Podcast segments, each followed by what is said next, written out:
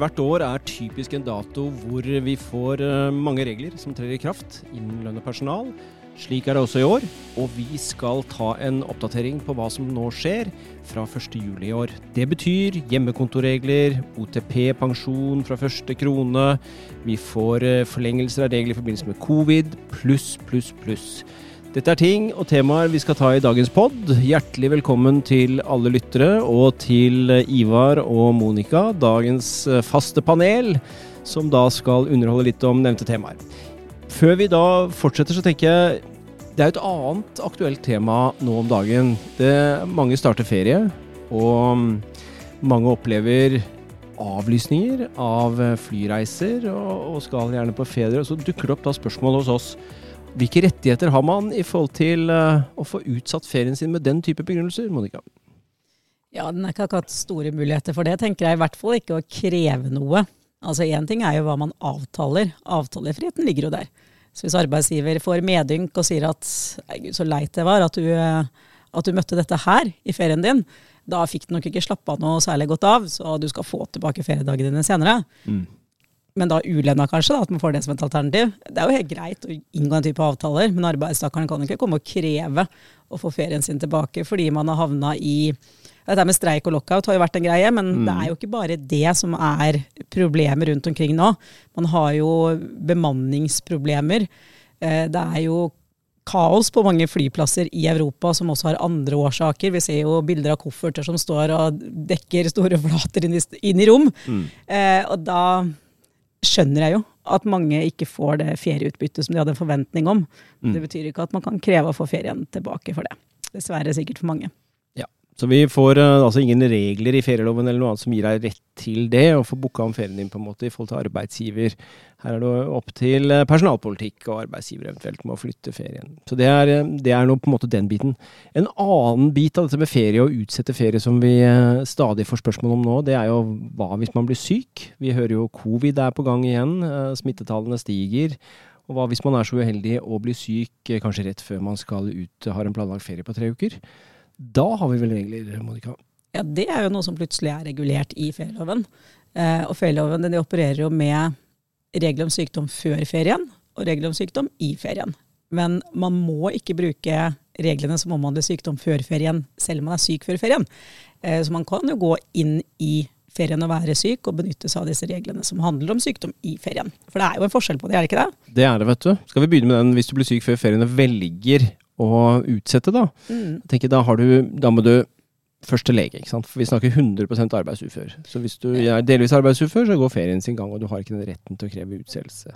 Ja, Den er jo greit å presisere, fordi i hvert fall de siste årene, da, de siste par årene som har vært nå, så har vi jo sett at det er det er flere som har holdt seg hjemme eh, pga. covid. De har kanskje ikke vært arbeidsuføre, mm. men eh, vært hjemme pga. ulike smittevernsbestemmelser. Eh, men man må være 100% arbeidsufør når det gjelder ferieloven for å ha rett til å utsette ferien sin.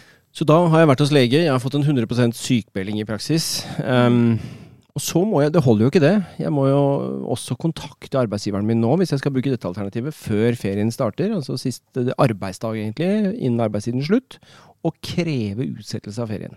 Ja, og som du sier, det er greit å få med seg at det er kreve å få utsatt ferien. Um, mange arbeidstakere skjønner nok ikke helt det. De tenker de kommer med sykemeldingen sin, og så leverer de den. Så tenker de nå har jeg gjort det jeg skal, og nå er ferien min utsatt. Men så enkelt er det vel ikke?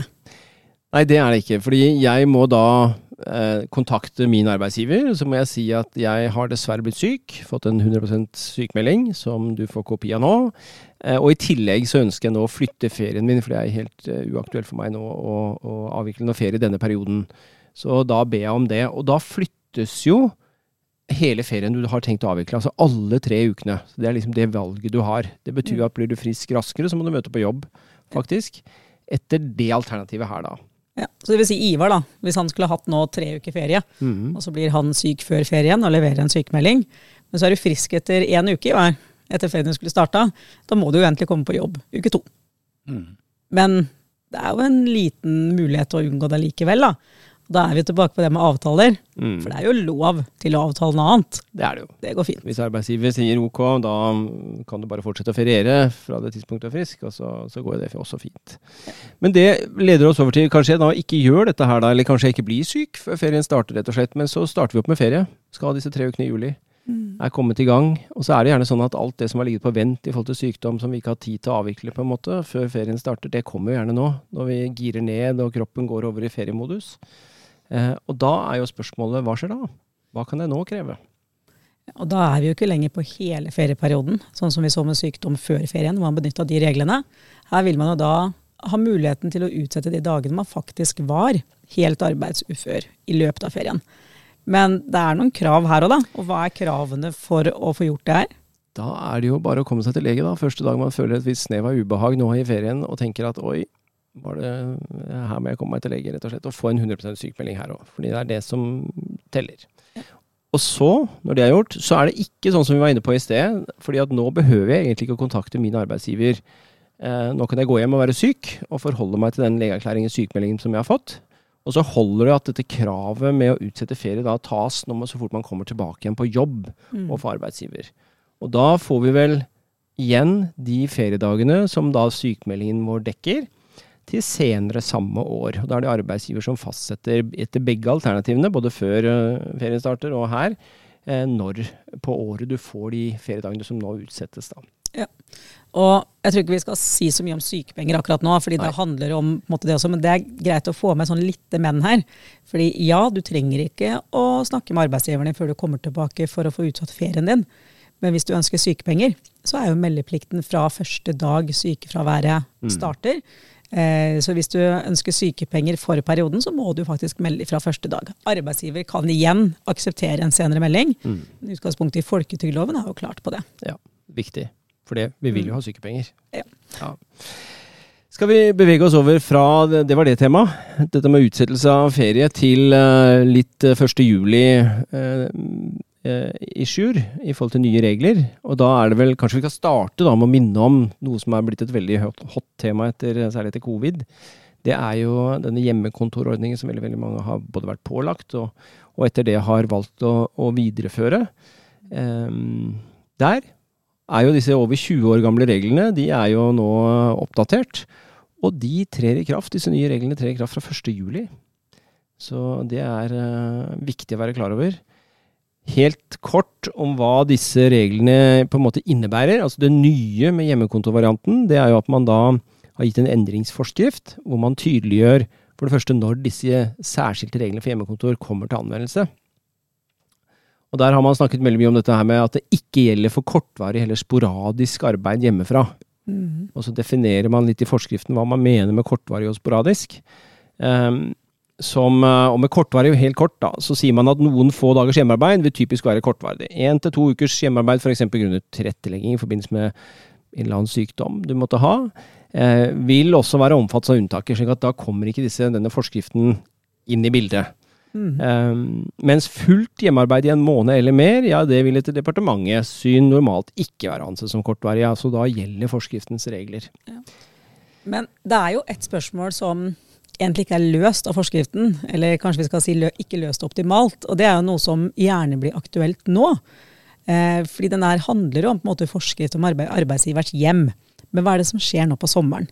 Mange ønsker å reise på hytta, eller de Ja. ønsker kanskje å reise til et feriehus, eller kanskje til en bobil som de reiser rundt i. Workation er jo et begrep. Ja, og hva da? De jobber jo ikke på kontoret eller på arbeidsgivers lokasjon, men vil den forskriften gjelde da?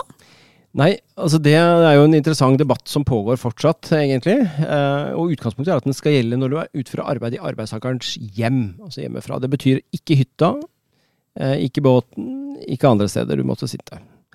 Eh, og så har man på en måte diskutert om man skal gjøre noe med det, og si at den skal gjelde den type steder allikevel. Men den diskusjonen er vel ikke landa helt. Så at jeg tenker det trygge er kanskje å tenke arbeidstakerens hjem per i dag. Mm, Enig? jeg er enig. Det var bra.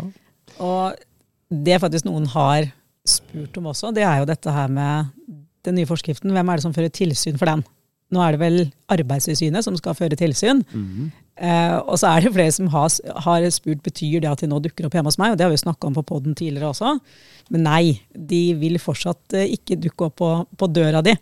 Eh, det er ikke det de gjør når de fører, fører tilsyn. Her, opp, her, sjekker de opp mot arbeidsgiver, f.eks. at denne kontrakten da, er på plass. Det er det de vil kontrollere. Så de dukker ikke opp på døra når du sitter hjemme.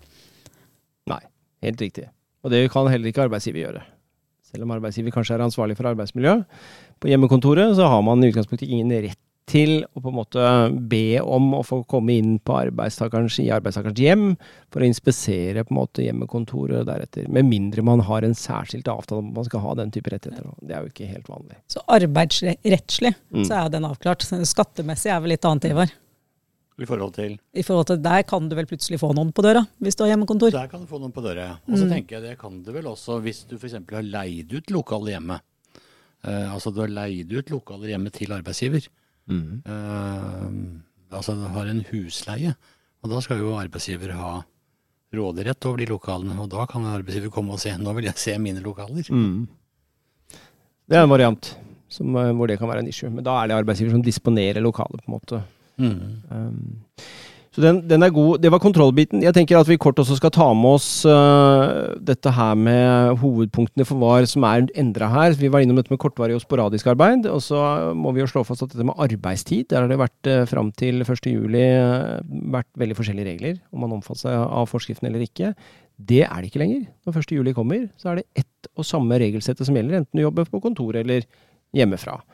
Det er supert. Det gjør det enklere å følge opp, enklere å kontrollere for, eh, for arbeidsgiver, tenker jeg. Mm. Arbeidsmiljø. Vi får bare minne om at det måte, gjelder. Kravet til fullt forsvarlig arbeidsmiljø gjelder også i forbindelse med arbeidstakerens eh, arbeid hjemmefra.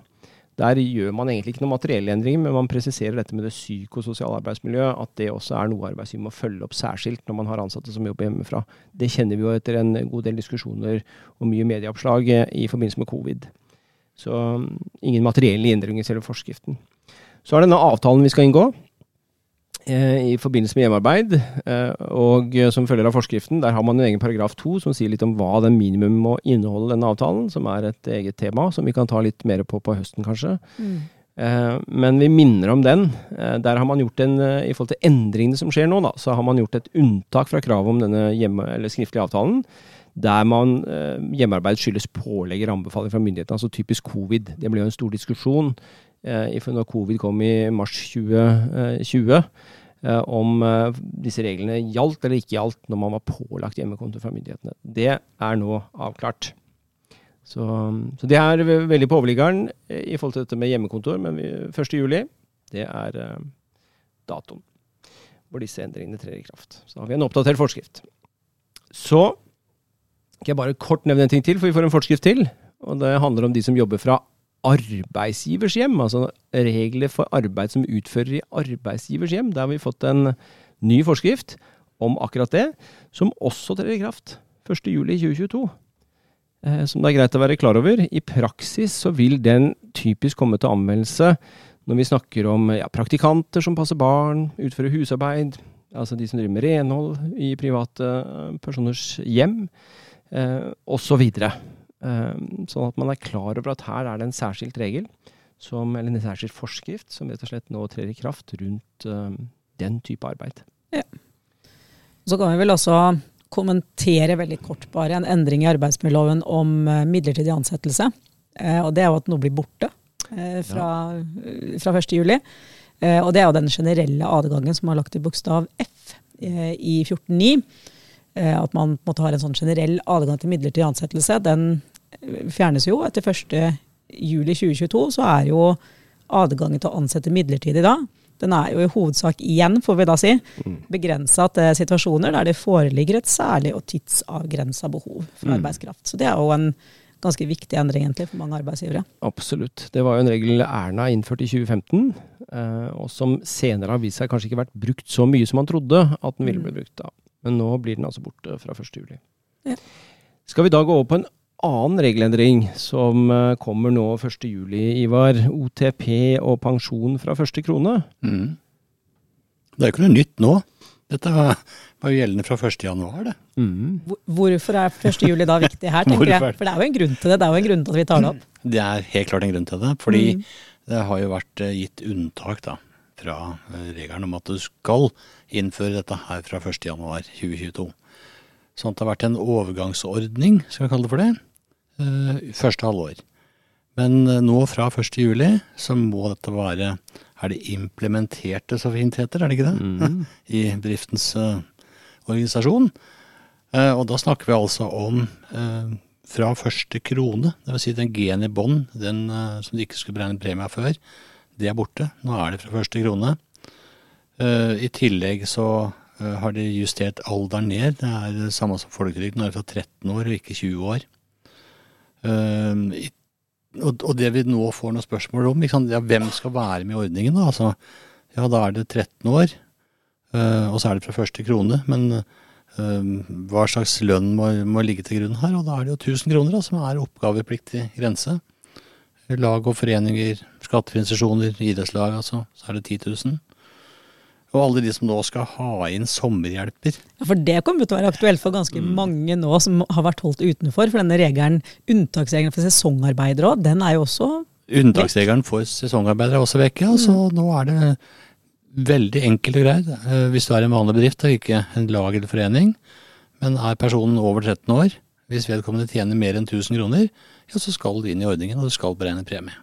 Og det er nok en stor endring for mange arbeidsgivere, spesielt de som har store kvantum av sommervikarer inne, da, som har vært vant til å ikke melde de inn. Helt så det er en viktig endring eh, for mm. å få med seg. Den eh, 20 %-stillingen også, dette kravet som var før, med minimum, ikke sant, minstekrav til 20% stilling for rett til medlemskap, den er òg borte. Det er borte, ja. Så nå er det altså 13 år, eh, mer enn 1000 kroner, da skal det inn i ordningen, du skal beregnes premie. Så medlemskapsreglene har egentlig blitt veldig enkle da, å forholde seg til. Veldig enkle. ja.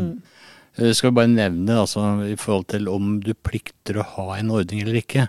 Det er ikke endra. Nei. For å si det veldig enkelt, hvis du har en person i mer enn 75 stilling, så skal du ha en ordning. Mm. Og så er det sånn, det, Uten å gå noe mer spesifikt inn på det, så er det fortsatt si 20 %-regelen gjeldende der i forhold til om du må ha en ordning.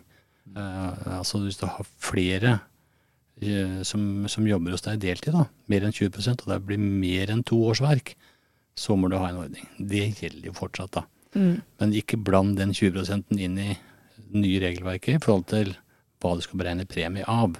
Ja. Så hvis man først har en OTP-ordning, så er det dette her med de nye medlemskapsreglene som man må forholde seg til. Ja. Mm. bare nevne også at forskrift er jo også forskrift eh, til innskuddspensjonsloven. Den er også nå oppdatert i forhold til at gen i bånd ikke uh, blir utelatt. Eh, og så er det også en sånn særordning at ikke mer enn 22% av lønn skulle gå til premie tidligere. Nå er det altså økt til 24, da. Eh, så det, forskriften er nå endra slik at fra 1. juli så gjelder det samme som det egentlig lovhjemla var fra 1. Viktig endring for veldig mange, både arbeidstakere, og arbeidsgivere, tenker jeg vi kan si om den. Ja, så er det kanskje noen som lurer på eksempel, hvordan blir dette her i forhold til innsendte avmeldinger, og da må det nesten høre med pensjonsleverandøren. Eh, Og vi ser jo det er veldig mange som ikke har kommet i gang enda med å bruke avmeldinger som grunnlag for beregning av premie. Så, men det er bare å ta kontakt med pensjonsleverandøren og høre hvordan ligger han i løypa med oss. Bra. Nå vil jeg tilbake igjen til litt sykdom. Ja. Covid er jo stikkord som vi har uh, snakka mye om i denne poden her tidligere. tidligere. Fordi det har vært mye regler. Eh, og flere av disse midlertidige reglene som vi har hatt med i forbindelse med sykepenger, omsorgspenger, barns sykdom bl.a., de skulle jo nå vare ut juni 2022. Men her har det skjedd noe. Ja, jeg har lært meg at man skal man skal ikke si aldri si aldri, holdt jeg på å si. Fordi vi trodde jo i utgangspunktet ikke at det kom til å bli forlenga noen noe regler her. For de hadde jo ikke gitt noen signaler på det. Men så viser det seg at jo, vi forlenger det allikevel. Men det er ikke alt som er forlenga. Så jeg tenkte vi kan dele det i to bolker. Vi kan ta sykepenger for seg, og så kan vi ta omsorgspenger for seg. Eh, Når det gjelder sykepenger, eh, så forlenger de paragraf 3-1 i forskriften. For den forskriften vi snakker om her, det er jo den forskriften som har dette lange navnet. Det er Midlertidig forskrift om unntak fra folketrygdloven og arbeidsmiljøloven i forbindelse med covid-19-pandemien. Eh, og da er det paragraf 3-1 forlenges når det gjelder sykepenger. Og det, det den gjelder, da, at den gir rett til sykepenger eh, liksom pga. covid-19 eller mistanke om sykdom. Eh, da blir de forlenga altså ut 2022. Så nå har vi en lengre periode hvor man har rett til sykepenger pga. denne covid-situasjonen. Eh, og så er det også en ting med legeerklæring som er viktig å få med seg. Nå har jo vi nylig snakka om at jeg har sendt på høring dette her at man skal få sykemelding ved e-konsultasjon, for man har mm. sett det har fungert bra. Og da mener jeg, jeg skal ikke si helt sikkert, men jeg mener at vi sa at dette, disse midlertidige reglene om at du ikke trenger å møte opp hos lege, de varer jo bare ut juni. Ikke nå lenger, for de er også forlenga. Eh, så muligheten til å få legeerklæring uten personlig fremmøte, den er forlenga ut 2022. Men da må det være at legen vurderer det som faglig forsvarlig. Det er vilkåret. Det sikkert mange kommer til å lure på, det er hva med refusjonen for sykepenger. For her har jo arbeidsgiver hatt muligheten til å få refusjon dag 6 til 16 ved koronarelatert fravær. Ja. Det forlenges ikke. Så der, eh, ja, Den tenker jeg er veldig viktig, og det er vel den antageligvis mange arbeidsgivere håper også skulle bli forlenga. Ja, så det du sier da er at fra 1.7.2022 så er vi tilbake igjen til ordinær arbeidsgiverperiode, 16 kalenderdager. Yes. Og ingen refusjon fra dag 6 til 16. Det får vi si foreløpig, i hvert fall. da. Fordi mm. vi, vi, har jo lært oss nå at plutselig så kommer det noen endringer, men ja, foreløpig så er, er vi der. Ja. Um, hvis vi skal gå over på omsorgspenger, da, altså dette med barn og barnepass i sykdom, så hadde vi jo én regel som gjaldt ut 2022. Og det var doblingen av kvoten. Men det var egentlig den eneste regelen som skulle, som skulle vare hele 2022. De øvrige reglene de skulle jo forsvinne eh, når juni var slutt. Mm. Men her har det også blitt en forlenging, og her har de gått lenger da, i å forlenge reglene. Eh, så det stilles ikke krav til legeerklæring. Eh, ved fjerde fraværsdag, slik som man er vant til fra de ordinære reglene. Dvs. Si at man kan bruke opp alle kvotedagene sine da, med bare en egenmelding. Mm. Um, så det er den første tingen. Uh, og så er det, hvis barnet er pålagt karantene pga. Eh, korona, eller hvis skole og barnehage er helt eller delvis stengt pga. korona, så vil man jo også her ha muligheten til å få omsorgspenger. Og så har vi denne gruppen med barn som har vært holdt hjemme. Selv om skole og barnehage har vært åpen, så har de vært holdt hjemme pga. særlig smittevernhensyn. Eh, enten hos barnet eller en som barnet bor sammen med. Og det vet jeg var litt krise for noen, som nå plutselig ble sendt ut i det dilemmaet at nå måtte de sende tilbake barn på skolen. Og vi har sett en økning i, i koronatestet, og det er nok litt det som ligger bak hvorfor reglene blir forlenga. Men den regelen vil jo også nå vare ut 2022. Og her får man fortsatt ekstra dager med omsorgspenger dersom den opprinnelige kvoten er brukt opp. Så hvis behovet ligger der til og med desember 2022, da, mm. så har man muligheten til å være hjemme med omsorgspenger med barna hele perioden. Mm. Eh, og så har man en overfør, overføringsmulighet mellom foreldrene hvis barnehage eller skole er stengt pga. korona. Den forlenges også. At man har mulighet til å overføre dager mellom foreldrene. Eh, og den siste tingen som forlenges på omsorgspenger, det er at arbeidstakeren kan ha rett på ekstra dager utover den opprinnelige kvoten man har dersom den kvoten er brukt opp og skole eller barnehage blir stengt pga. korona. Ja. Så hvis det er en forlenging av en rekke regler, akkurat sånn som vi har sett før. Da har jeg et spørsmål. Det er jo doble kvoter, egenmelding fra alle, alle dager. Hva skal jeg som arbeidsgiver betale i 2022? Man må jo betale alle dagene som arbeidstakeren har krav på. Mm. Eh, så det vil si, har man krav på 90 dager, som noen plutselig kan ha, så er utgangspunktet at arbeidsgiver skal betale. Men men man kan få refusjon fra dag 11. Ja. Og da er det jo digital inntektsmelding som brukes som refusjonsskjema på det. Veldig bra. Det var akkurat det jeg trengte å vite. Så det, det er jo vedtatt. Men vi har jo også Vi må vel innom et par forslag som har kommet også, i forhold til dette med endringer i arbeidsmiljøloven. Mm. Veldig kort. Og det første det går jo på dette her med lovendringer for å styrke retten til heltid. Eh, og da er det jo en rekke endringer som er foreslått i arbeidsmiljøloven. Eh, og det første det egentlig sier, er at de ønsker jo en, en normgivende bestemmelse om at hovedregelen da, skal være ansettelse på heltid. Um, og så foreslår man også at arbeidsgivere som ønsker deltidsansettelser, de skal ha en dokumentasjon og drøftningsplikt på det.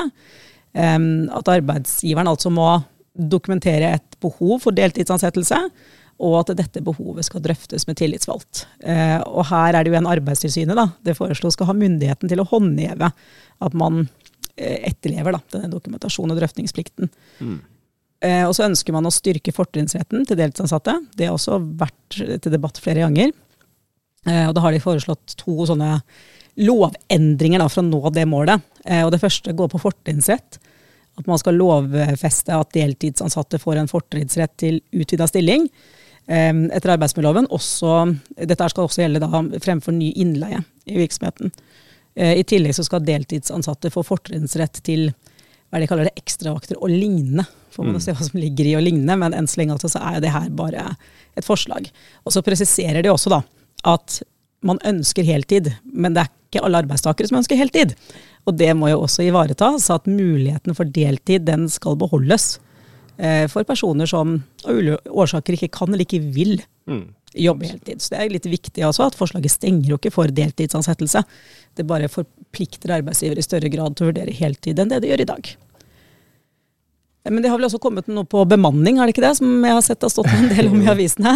Det har det vært mye diskusjon på, men, eh, men det, nå har man jo konkretisert dette forslaget med å skjerpe inn uh, muligheten til innleie fra bemanningsforetak. Og det ligger jo nå som et, uh, en egen propp Uh, hvor man vil gjøre noe med de reglene. og det er, uh, I dag så kan vi jo bruke, altså vi kan knytte oss arbeidskraft på mange måter, bl.a. ved innleie. da Bruke bemanningsforetak, som mange gjør.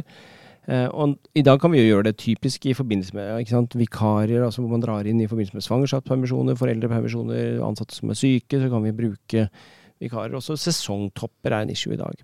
Det som skjer, det man foreslår, er å stramme inn dette her, sånn at du på en måte du kan bruke et bemanningsgråd i samme grad som du kan ansette midlertidig etter arbeidsmiljøloven 14.9, som vi var innom i sted. Men her tenker man å fjerne denne 14.9a, dette som går på på en måte når arbeidet er av midlertidig karakter, altså ergo sesongtopper, da, ikke sant? hvor vi mm. kanskje kan bruke den type arbeidskraft, det vil man ta vekk, rett og slett. Eh, så det betyr jo en, en betydelig innstramming på, på, muligheten til å bruke et, eh, en vikar fra et vikarbyrå. Og så er det noen, øh, foreslår man også øh, retten til fast ansettelse for personer som du trekker inn i virksomheten din via et vikarbyrå. Ved at man sier at ved innleie etter avtale med tillitsvalgt også vil gi rett til fast ansettelse etter tre år som innleid. Um, og så gjør man noe som er veldig vanskelig i praksis. Man prøver å presisere og bli tydeligere på hva er entreprise og hva er mm. innleie. For hvis det er et entrepriseforhold, altså gjerne der du bestiller et resultat av noe, så er, gjelder ikke disse reglene. Eh, og hva når foreligger en innleiesituasjon. Eh, og det skal vi komme mer tilbake igjen til når disse reglene etter hvert blir eh, vedtatt, for å si litt om det. For det er nok veldig viktig for mange. Og her har vi også hatt noen saker i rettssystemet per i dag som på en måte har gjort at noen har fått øynene opp for det her. Så man ønsker ikke en omgåelse av dette her ved å bruke en type entreprise som i realiteten da ikke er en entreprise, men en innleieforhold. Så mm, vi gleder oss. Ja, det er jo vi kan jo ymte fram på at det er en ting til også som muligens kommer fra nå fremover. og Det er jo at regjeringen har jo varsla lovregler i forhold til dette her med er man selvstendig oppdragstaker eller arbeidstaker. Fordi man har sett at det er flere som forsøker da, å omgå lovens verneregler ved å ikke kalle de arbeidstakere, men å kalle de noe annet. Skal ikke jeg nevne hvilket firma dette er, men det er et ganske stort firma i Norge. Mm. Um, så får vi se. Men vi forventer at det kommer noe der utover høsten også. Veldig viktig. Mm. Det blir veldig spennende. Veldig mange har vel sikkert hørt om Aleris Stendi-saken, som jo nettopp gikk også på det der. Så, ja. så, det gleder vi oss til at blir presisert. Det var mye nytt rett før eh, sommeren, tenker jeg. Og mye å glede seg til for høsten. Det blir nok helt klart en, eh, en høst med mye spennende på regelfronten for de som jobber inn i lønn og personal. Så med det så tenker jeg vi kan ønske alle lytterne våre en riktig god ferie. Og så er vi tilbake igjen rett over ferien med nye episoder for å holde dere a jour på regelverket innen lønn og personal. God ferie.